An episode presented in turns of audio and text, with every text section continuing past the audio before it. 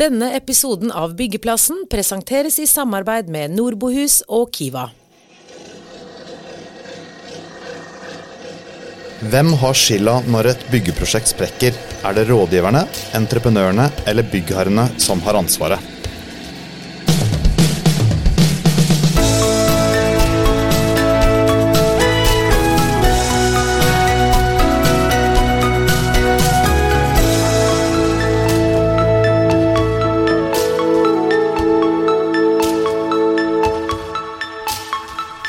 Vi skriver veldig mye om byggeprosjekt selvsagt i byggeindustrien. Vi skriver ganske mye om kostnadssprekker og forsinkelser òg. Stortinget, nye Jordaland Fri, eh, og som byggeindustrien avslørte i høst, så sprekker Vegvesenet sin tunnelrehabilitering med 5,7 milliarder kroner. Hva er det som går galt, og hvordan kan næringen unngå at det skjer?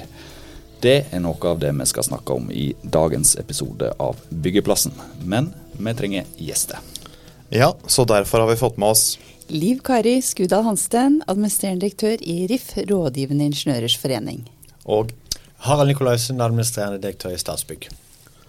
Og Liv Kari, du skrev nylig i byggeindustrien at verken vi som byggernæring eller som skattebetalere skal finne oss i kraftige kostnadsøkninger bare fordi vi ønsker noe som er større eller bedre enn det som opprinnelig var planlagt. Er svaret så enkelt at overskridelsene følger endringsmeldingene? Det er nok ikke det, men uh, fordi det er et litt sånn komplekst bilde. Uh, noen ganger så kan det være riktig at man ønsker å utvide. At det var et reelt behov. Man kan kanskje få til noe mer hvis man gjør en utvidelse, og det er en god nyttekost. Men andre ganger så er det jo slik at man ønsker ting, og man kanskje burde ha holdt igjen. Man blir litt stormannsgal. Ja, Det er lett å komme med ønsker, og det som faktisk man ser med de profesjonelle byggherrene, er jo det at de veldig tidlig eh, måtte sette en avgrensning, og de har planlagt godt på forhånd, slik at ikke ønskene kommer underveis. At de har en god dialog med brukerne og de som skal ha bygget etterpå. Men på Stortinget så virker det som ønskene har kommet litt underveis. Og allikevel så er det rådgiveren som får skylda. Ja, det er jo et ganske paradoks, da. Eh, og det har vi jo, det er iallfall slik vi har lest i avisen, at eh, det begynte med et lite postmottak, og så ble det parkeringsplasser, og så ble det pluss, pluss. Og det er jo det man må spørre seg nå i ettertid, at uh, hvordan, hvordan faktisk etterspør vi, og hvordan bygger vi når vi vet at det, det, slike kostnader kommer. Og særlig et sånt komplekst prosjekt som det. Stortinget gikk inn som byggherre på egen hånd. Du Harald Nikolaisen skulle vel kanskje gjerne ha styrt det prosjektet på en litt annen måte enn det Stortinget gjorde? Eller har gjort? Ja, det, det, er jo de gode spørsmålene, da. Altså Etterpåklokskap er jo den eneste sanne klokskap. ikke sant? Så det er, det er jo lett å si. Men, men sånn generelt så er det klart at det å sette i gang svært kompliserte infrastrukturprosjekter når du ikke har gjort det før, det vil, jo, det vil jeg ikke anbefale noen å gjøre. Da er ofte selvtilliten større enn selvinnsikten. Og det kreves kompetanse for å kjøre store, tekniske, kompliserte prosjekter, som det fort blir både i bygg og anlegg. Store byggeprosjekt er ikke for amatører, har du tidligere sagt til ja. meg. Var Stortinget amatør her? Det tror jeg Jeg tror ikke jeg skal svare så tydelig på det spørsmålet, for det er alltid lett å tenke Den ydmykheten tror jeg tjener alle godt som er i denne bransjen. At før eller siden så kan, så kan det være din tur til å stå og, og forklare en byggesprekk, og da kan det være greit å være litt ydmyk òg. Men det er helt sikkert at en flergangsbyggherre som Statsbygg har større sannsynlighet for å lykkes enn en byggherre som Stortinget, som ikke har dette som profesjon. Det må være helt opplagt. Og Det ser du også i alle andre bransjer, hos alle andre aktører, store private konsern også. ikke sant? Det er det å bygge opp kompetanse over tid på det du driver med, sånn at du vet hva du gjør. Det er klokt, uansett om det er Storting eller Statsbygg eller uh, Statoil. Kan eh, norske bestillere og oppdragsgivere da, eh, det de driver med, er de gode eh, byggherrer? Kommuner, Statsbygg, andre, Statens vegvesen. Er det gode byggere? Det er, jo, det er jo litt varierende. Eh, vi ser jo at store byggherrer sånn som Statsbygg og Statens vegvesen og også Nye Veier og Bane NOR som kommer inn nå, er jo profesjonelle og dyktige. Og de har kompetanse. Eh, og det har mye å si. Fordi eh, veldig mye av dette som går på overskridelse, handler jo om å håndtere risiko. Og risiko kommer ved at du mangler kompetanse. Eh, og så har vi jo måter å håndtere risiko på, og det er jo både, både, vi som leverandører et ansvar for å gjøre, men også at byggherren på en måte etterspør slik at man får opp den type risikovurderinger. Eh, vi ser jo det at når, vi, når Nye Veier nå gjør sine veiprosjekter, så har de jo gjennomført noe de kaller Best Value-metoden. Eh, og den er interessant, fordi da utfordrer du jo leverandørene dine til å komme opp med hvilken risiko du ser, for å ikke møte f.eks. fremdriften, eh, komme i forhold til eh, kostnadsrammen osv. Eh, og der man faktisk også ser på hva avbøtene, hva man har gjort tidligere for å på en måte gjøre avbøtene hvis det kan komme ting som man er uforutsett. Det kan gå på grunnforhold, det kan komme på motdemonstrasjoner. altså Det kan komme mange ting som man kanskje ikke alltid kan eh, sjekke. Og dermed så har man på en måte gått gjennom det bildet på forhånd. Så tidlig involvering av rådgivere i prosjekt? Eh, eh, egentlig alle leverandørene. Mm. Eh, så der bruker de jo et totalteam med både totalentreprenørene og rådgiverne sammen.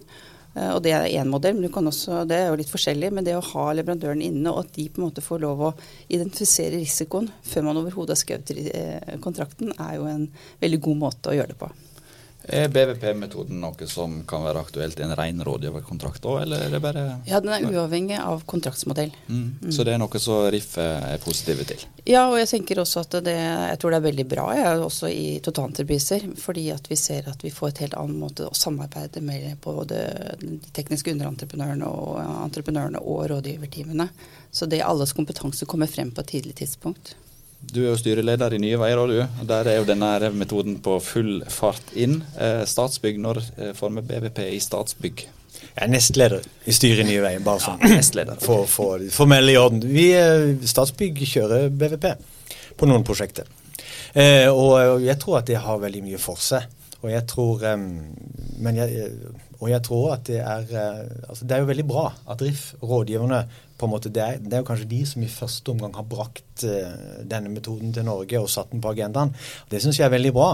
Og så skulle jeg ønske kanskje at rådgiverne var mer ambisiøse på egne vegne. Mm. Altså BVP for entreprenørkontrahering og totalentreprise.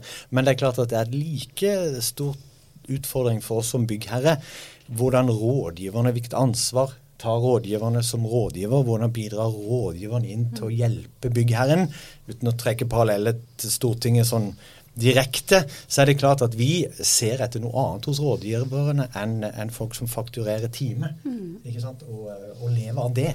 Og Da tror jeg kanskje at det er et verktøy som Best Value Procurement utfordrer rådgiverbransjen litt på å ta et større ansvar og finne ut av er, hvordan skal man hjelpe byggherren utover å være et tegnkontor som fakturerer en timepris. Altså. Mm. Ja, Vil dere ta den utfordringa? Ja, for det handler jo om verdiskaping. Og det å kjøre bestiller på rådgiverkontrakter tror jeg er veldig bra. Mm. Eh, fordi det å Vi har jo innsikt og kompetanse til å, å, å avdekke risiko, og også hvordan man kan møte den risikoen. Så jeg, jeg ønsker den invitasjonen velkommen. Så den, du nikker blidt her. Ja. Ja, jeg gjør det. For en av utfordringene vi har nå på, på, på, på våre prosjekter, er jo en, en, eksplosiv økning av kostnader til rådgivere. Altså I forhold til det budsjettet vi har når vi starter på rådgiverkontrakter, så ser vi ofte at, at det dobles før vi er midtveis. Mm. Eh, og det Jeg skal ikke si at det er altså Det er ikke rådgivernes uh, skyld i og for seg, men det forteller at modellene vi har for den type kontrakter, har en, har en litt sånn pervertert insentiv. Ikke sant? Det er uh, jo, jo mer arbeid, jo mer penger. Mm. Og, og i, i, gamle dager var det, var det en litt sånn bilde om at jo mer du putter inn i prosjektering i tidlig fase, jo bedre blir det, og jo billigere mm. blir det til slutt. Det ser vi ingenting til. Vi dobler mm, prosjekteringsbudsjettet, men totalkostnadene går ikke ned, den går også opp. Så, så, det er klart, her tror jeg at det også kontraherer også rådgiver litt mer på BVP, og ansvarliggjøre de å få felles mål i større grad, er én ting som, som, kan gjøre i hvert fall de veldig store og veldig kompliserte byggeprosjektene bedre. Der hvor det kanskje er for tungt til og med å løfte for de store totalentreprenørene, for risikoen blir for høy. Mm. Men jeg vil nok si det at eh, nå driver jo ikke akkurat eh, Statsbygg med sånn hyllevareprosjekter. Det er jo gjerne ofte veldig komplekse og helt nybrottsarbeid. Og da er det klart at eh, det er jo på en måte hva er egentlig en reell overskridelse. Kanskje er det slik at uh, det prosjektet ville kostet det. Hadde man gjort alle grunnundersøkelsene, hadde man fått alt opp på bordet helt i starten. Uh, så, så, de der såkalte overskridelsene Man må iallfall ha en litt sånn nøkternhet om hva er egentlig en reell overskridelse. Det er jo noe med å gå inn i en lekebutikk for eksempel, med en hundrelapp, og så ønsker du den legopakka, og så ser du at det står etter 200 der isteden, og så går du for den likevel. Du må låne de pengene noen plasser. Det blir en, er det en sprekk da? Når du egentlig kjøper noe helt annet enn det du bestilte i utgangspunktet? Ja, eller motsatt. At du faktisk du vet ikke nok om grunnforholdene. Uh, og du på en måte låser massene veldig tidlig. Men du måtte jo tatt håndtert de massene uansett. Uh, eller si at det kommer opp noe falunskifer som du må håndtere som er veldig farlig osv. Hadde du visst om det, så hadde den kostnaden vært mye høyere i utgangspunktet. Men gjør en for dårlige grunnundersøkelser? Vi har skrevet om det, ja, det i byggeindustrien, at det, en bruker for lite tid på det. Ja, jeg, det, jeg tror nok sånn som Nå vet ikke jeg alt om Stortinget, men sånne ting kan nok være veldig, veldig veldig fordyrende hvis man binder massene veldig tidlig. Og man har kanskje da satt seg en tidsplan, siden man, man dropper en viss grunnundersøkelser.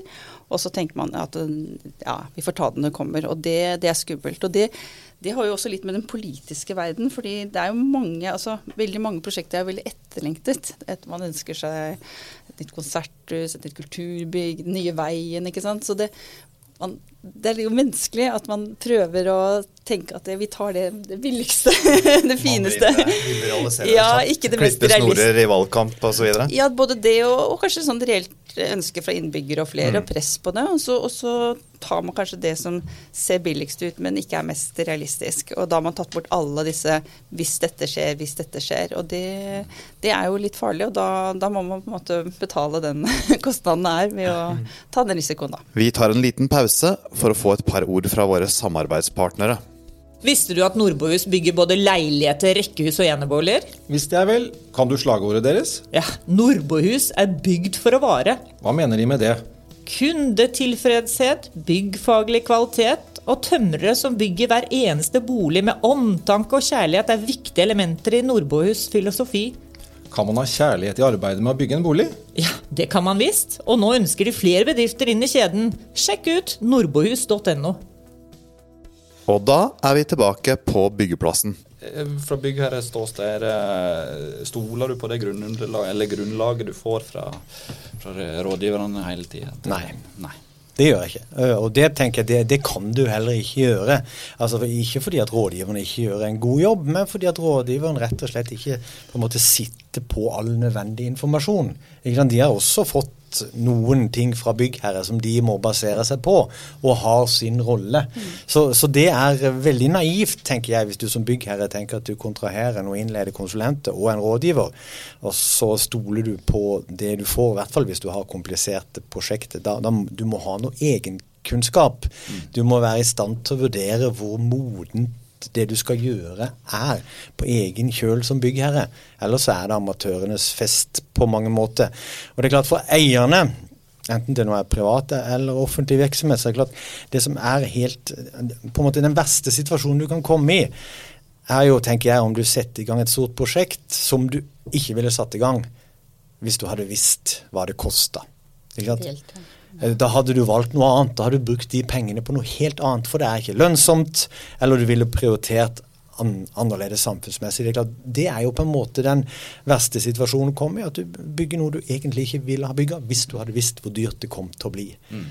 Eh, og og det, det tenker jeg er um, Men det er jo også en sånn uh, pedagogisk utfordring. fordi at når du starter da med et kom komplekst prosjekt og er veldig tidlig Hvis du skal gi beslutningstagerne en reell oversikt over den risikoen som faktisk finnes der, og som vi vet er der, så må du legge på ganske mye. Du kan spesifisere en liten del, og så er det kanskje 30% ekstra, fordi at vi vet at eh, det er ting som og det, og det å få på en måte beslutningstagere til å tenke at jo, ok da, da er det antageligvis ikke 500 milliarder som vi kan se liksom sånn helt enkelt. Det er antageligvis 800 cirka som er det reelle vi skal ta stilling til. De aller fleste vil da intuitivt si at nei, nei, nei. Vi kan ikke legge på 400 eller 200 millioner her. Det er bare fordi at uh, Statsbygg skal ha litt romslig og en enkel prosjektgjennomføring. Eller det er bare fordi at det skal bli mer å dele på de som er Og så blir det en sånn tendens til en undervurdering, da. Som, og, det, og det er vanskelig. Det er lett å si at risikoen må identifiseres og bygges inn på forhånd, men det er vanskelig å få beslutningstakere til å akseptere at det er flere hundre millioner de må legge på for usikkerhet, som vi vet kommer til å inntreffe, men vi vet ikke akkurat hvor. For de tror, jeg tror det med grunnforhold er litt vanskelig å forstå. fordi Hvis man tenker at eh, på en fabrikk så skal vi lage noen biler, så er jo egentlig alt likt hver gang. Mm. Du har de samme folkene, de samme rammebetingelsene. Alt er det samme, og man kan gjøre akkurat det samme neste gang. Og Da burde det jo ikke være noe kostnadsoverskridelse. Men når du kommer til, og særlig når du kommer i de urbane strøk, der man ikke har kartlagt alt, der kan ligge kabler, det kan ligge ting som på en måte gjør at det blir veldig komplekst. Det kan ligge arkeologiske ting som gjør at uh, arkeologene må inn, og da blir det veldig dyrt. Slik at da Jeg tenker jo i forhold til det Harald sier med at man kan ikke stole på rådgiverens uh, underlag, så er det vel det at en, en god rådgiver sier jo at dette er det vi vet. Og så ligger det noen usikkerheter der som vi faktisk må enten gjøre nye grunnundersøkelser eller nye vurderinger for å klare å sjekke. Og så er det jo snakk om hvor langt er du villig til å gjøre undersøkelser. Og noen ting vet du faktisk ikke før du har gravd opp, for det sto aldri på noe kart. Og det, mm. det dukker bare opp i, der, i, du, du, i det du har gravd. Plutselig finner man en elv under en hockeyhall, og så blir hockeyhallen to år forsinka. Ja, f.eks. Mm. Eh, og, og det, på en måte, det, det, det, triste i den type tilfeller er jo ikke bare det er jo ikke bare det at du får mer kostnader enn du hadde trodd. Men det å gjennomføre prosjektet blir jo selvfølgelig suboptimalt. Fordi at du starter med helt andre forutsetninger, et helt annet team og en helt annen framdrift. Så hadde du visst mm.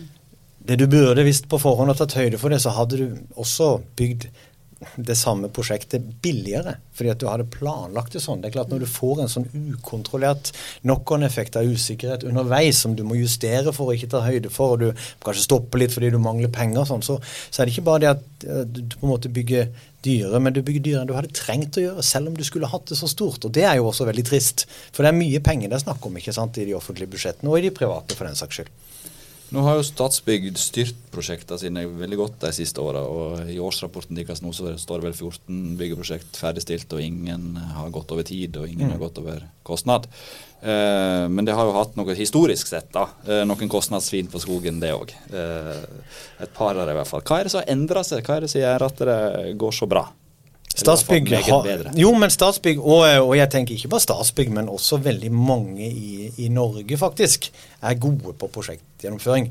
Fra, også fra gjennom offshoreindustrien og, og, og, på en måte bidrag for Hydro og de store lokomotivene vi har hatt, så har Norge høy kompetanse på prosjektgjennomføring som faglig sett. Det er også en av grunnen, altså Også den norske stat med kvalitetssikringsordningen og sånn har jo vært et forbilde for mange land i forhold til governance og profesjonell prosjektgjennomføring. Så det er det at Statsbygg har jobba i 15-20 år ikke sant, konsistent med å bli en profesjonell byggherre, få gode styringssystemer, skaffe seg estimeringskompetanse for å vite hva dette omtrent bør koste, eh, og, og, og jobbe systematisk med det. Og det er litt, det handler bare ikke om eh, Vi blir jo noen ganger spurt om kan dere låne oss noen folk.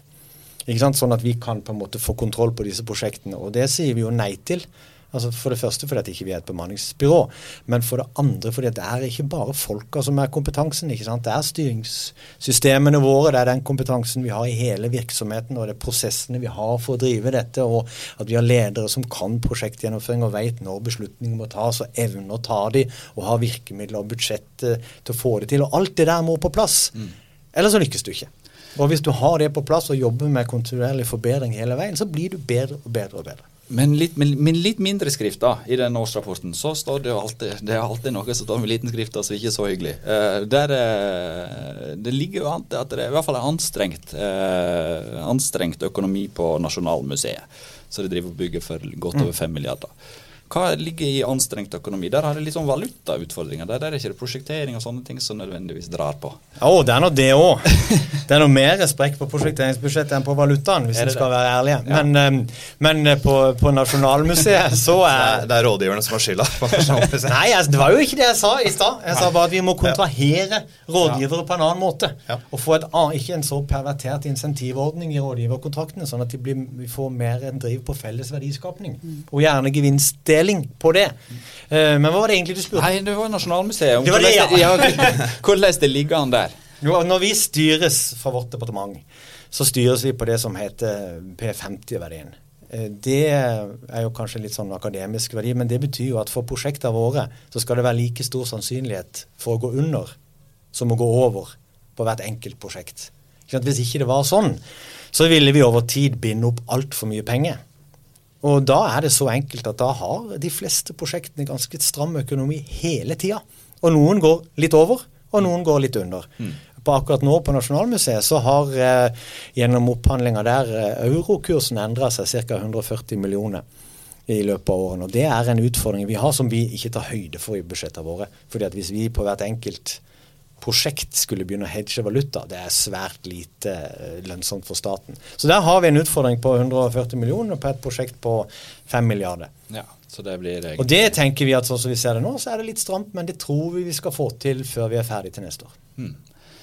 Så da eh, satser vi på at den kommer inn i en årsrapport i 2021 eller noe. Når det skal stå ferdig? 20, han skal stå ferdig i 19. Så, den, ja, i 19. Ja, så så det er ikke mer enn et år igjen. Nei, nei, nei, men eh, for eh, årsrapporten da, så skal det gå innafor det òg.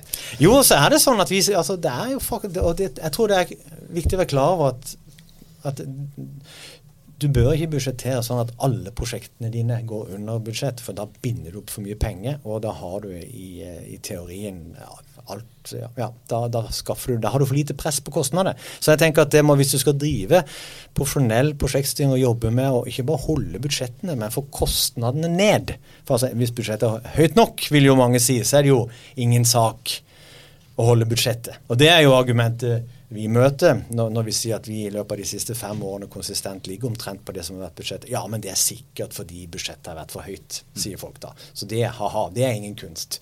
Men, men det, jeg tenker at det er faktisk ikke det, og da må du også tåle at noen prosjekter ligger og vaker akkurat rundt budsjettet eller ikke, for ellers så har du ikke insentiv til å styre stramt nok.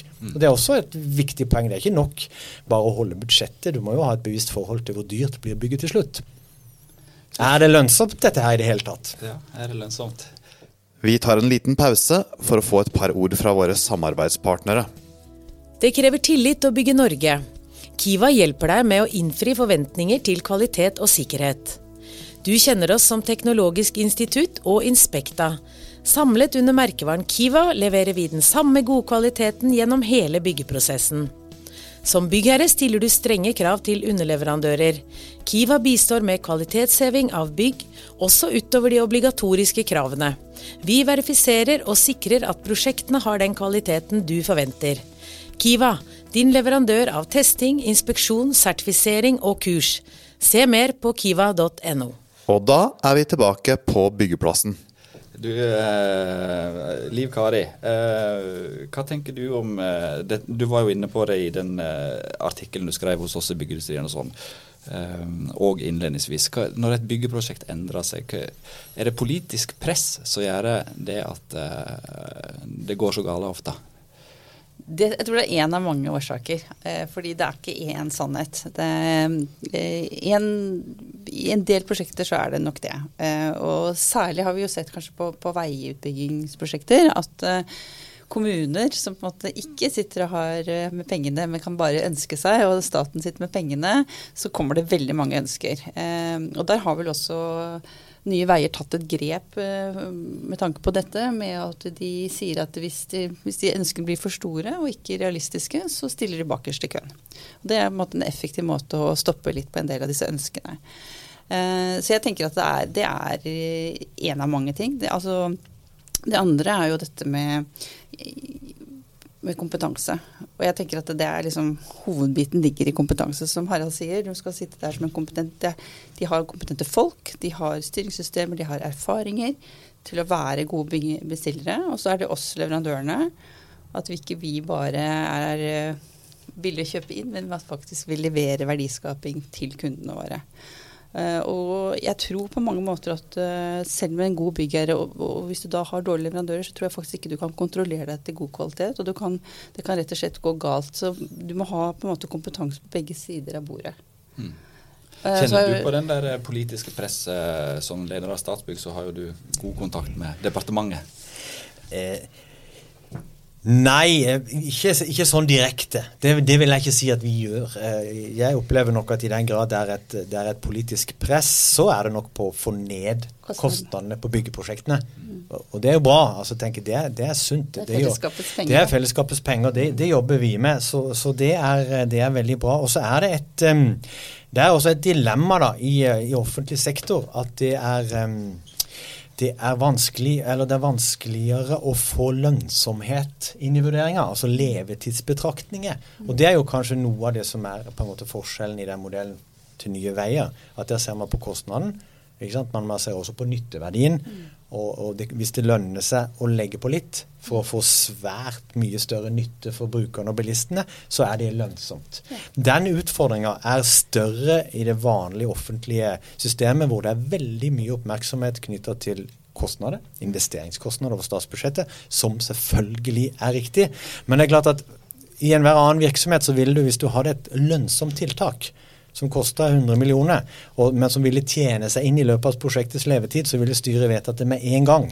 Den prosessen knytta til hva er, nytt, hva er nytteverdien, hva er lønnsomt for samfunnet, der tror jeg at man kan få mer ut av offentlige midler hvis man eh, fokuserer mindre bare på investeringskostnadene, men på levetidskostnader. Det må ikke tas som et argument for at vi skal ha mindre press på kostnader i forhold til stortingsbudsjettet, men vi mister noe. Vi mister en verdiskapning. og F.eks. for et sykehus da, så er kanskje investeringsbeløpet det tilsvarer omtrent fire års driftskostnader.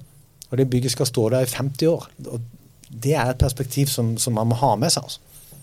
Jeg tenker spesielt på sykehus, fordi vi ser jo det at det har vært bygget uh, for små sykehus nesten hver gang.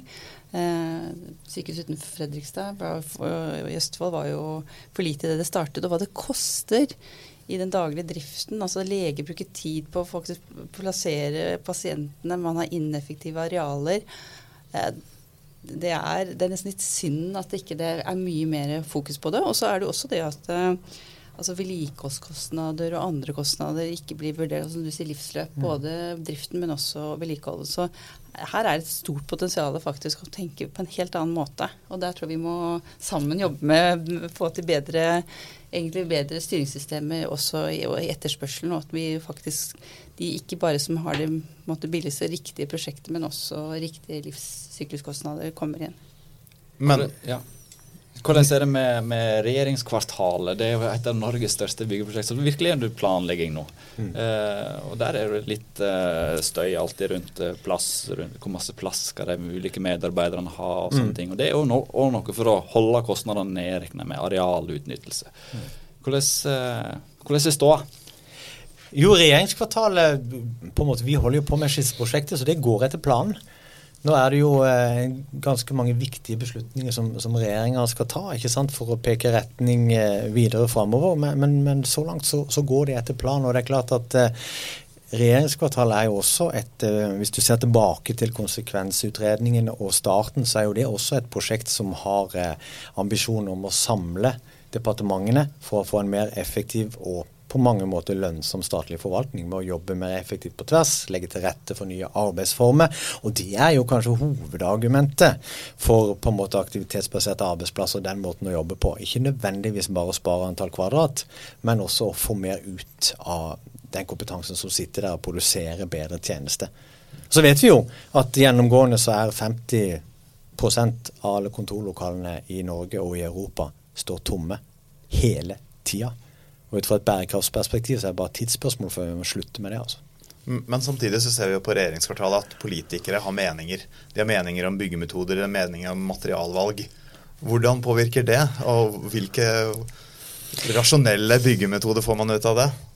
Jeg, tenker, jeg, altså jeg har, eh, Når jeg møter politikere, som, som jeg gjør av og til, så, så, opplever jeg grunnleggende at jeg har stor respekt for dem. At, de, at de engasjerer seg ut fra veldig gode motiver og, og, på en måte ofte har veldig gode innspill. og det er klart at Sånn som det ligger nå, så er det at, det at politikerne er opptatt av hva samfunnet og næringa og industrien skal få ut av at vi bygger et regjeringskvartal, det tenker jeg er veldig naturlig. Det må vi ikke gjøre til et problem. Det er kjempebra. Jeg kom akkurat fra et materialseminar på NHO, hvor vi ser på hvordan vi skal involvere bransjen for å velge de, de, rette materialene. Og så er det klart at politikere skal jo ikke bestemme hva slags type materiale som skal inn hvor. Det må være ut fra hva som egner seg. Men, men det er veldig bra at de engasjerer seg i byggenæringa og har ambisjoner om industriutvikling når vi skal kjøre et sånt prosjekt. Det tenker jeg vi må heie på. Så får det være vår jobb å kanalisere den energien inn sånn at det blir gode, gode materialvalg ut av det.